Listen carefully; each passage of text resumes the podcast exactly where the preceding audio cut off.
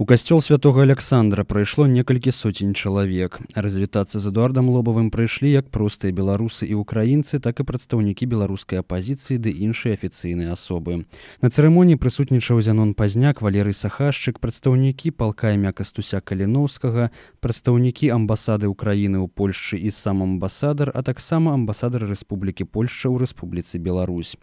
Літургію па загінуўшаму Эдуарду Лобаву правёў ксёнз Вячеслаў Барок. Сёння гэтым храме сабраліся розныя людзі католікі праваслаўныя пратэстанты а нават і тыя хто не з'яўляецца рэлігійнымі людзьмі мы ўсе розныя але ёсць таксама тое што нас аб'ядноўвае мы ўсе любім жыццё а жыццё даў нам Господь. І мы ўсе верым што жыць трэба у праўдзе і справядлівасці. Мы глыбока перакананыя, што наше зямное жыццё губляе сэнс тады, калі у ім не хапае свабоды.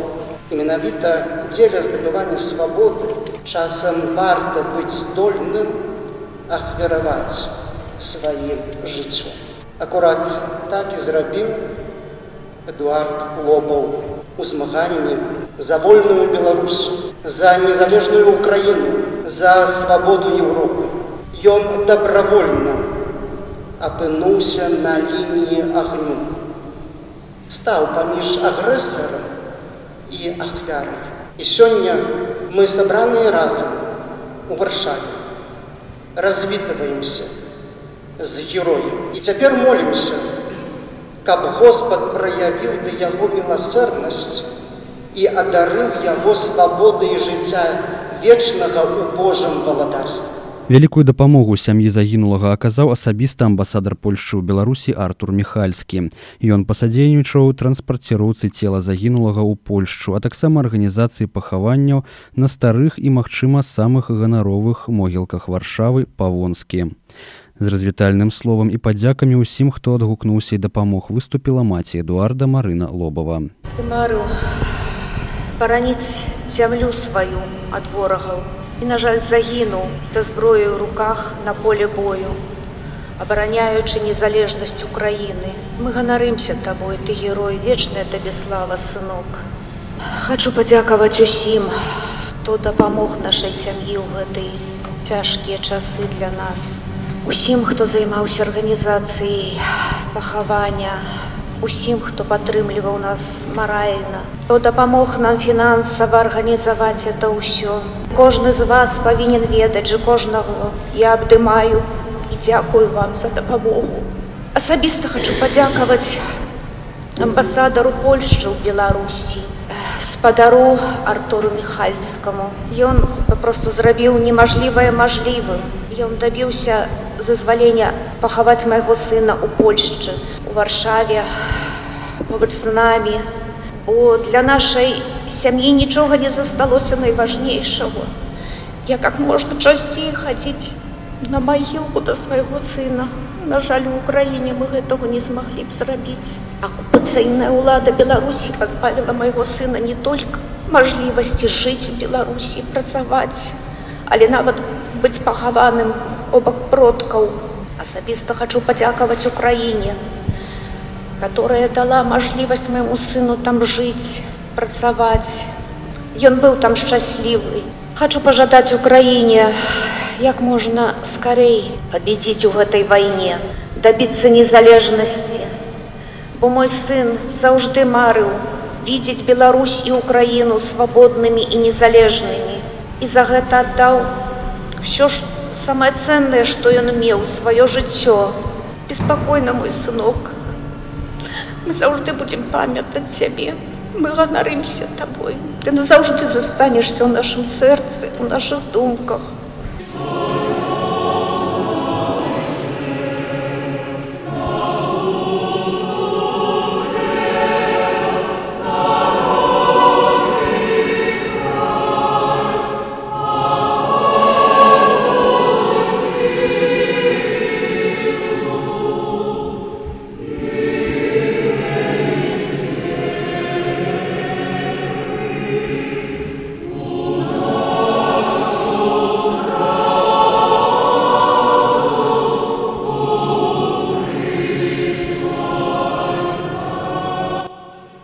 Развітацца з Эдуардам прыйшоў і яго стары вайсковы сябар Андрус Цянюта. Нашаму радыё ён распавёў, якім быў Эдуард і якой была апошняя размова двух сяброў. Калі я потрапіў под палітпрызыў, мяне адправілі в 103 участку а, спецыяльных сіл спецыяльных аперацый віцебску.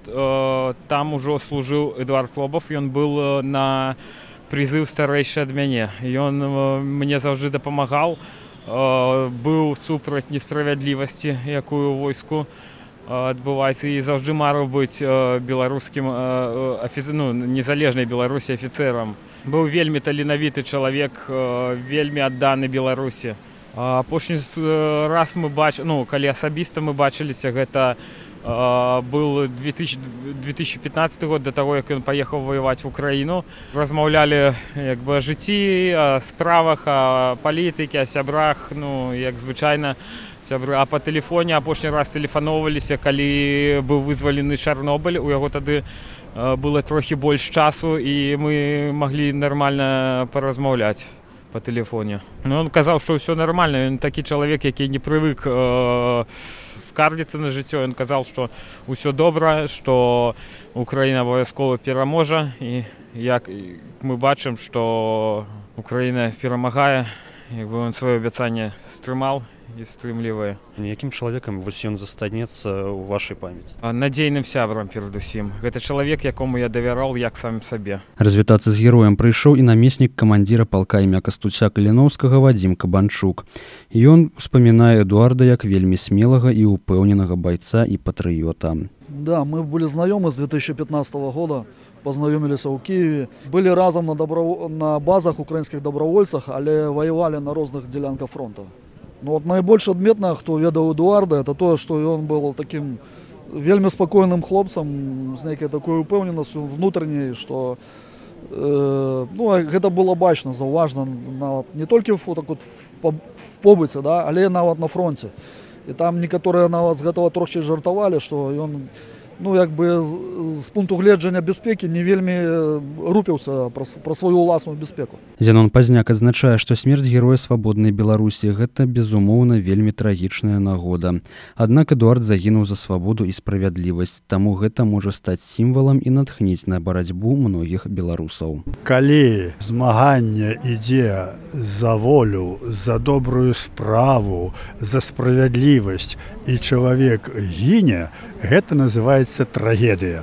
Ён гіне але яго воля яго дзеянні яго думкі застаюцца і яны перамагаюць. Вот тут падзея трагічная.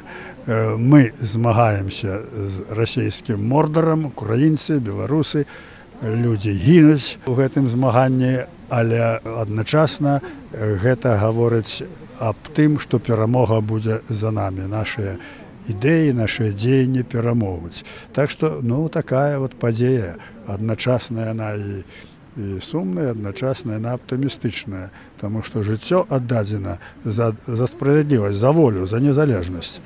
А гэта вечныя якасці яны не мінаюць няма ніякага сумнення што будучая ўсходняя Еўропа будзе разам. А гэта Украіна Беларусь Польша літува вот сама гісторыя паказвае. У нас жа агульны вораг.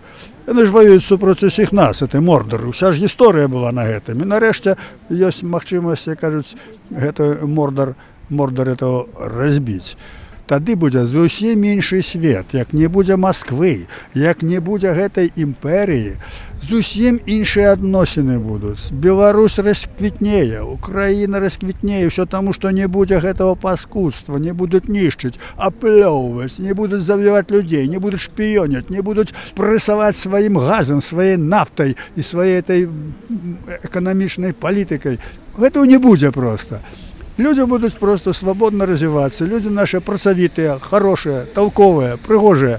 І э, усходняя Еўропа яшчэ пакажа прыклад і заходняй Еўропе ўсім, таму што нашыя людзі, акрамя галавы, акрамя рацыі, яны яшчэ маюць сэрца.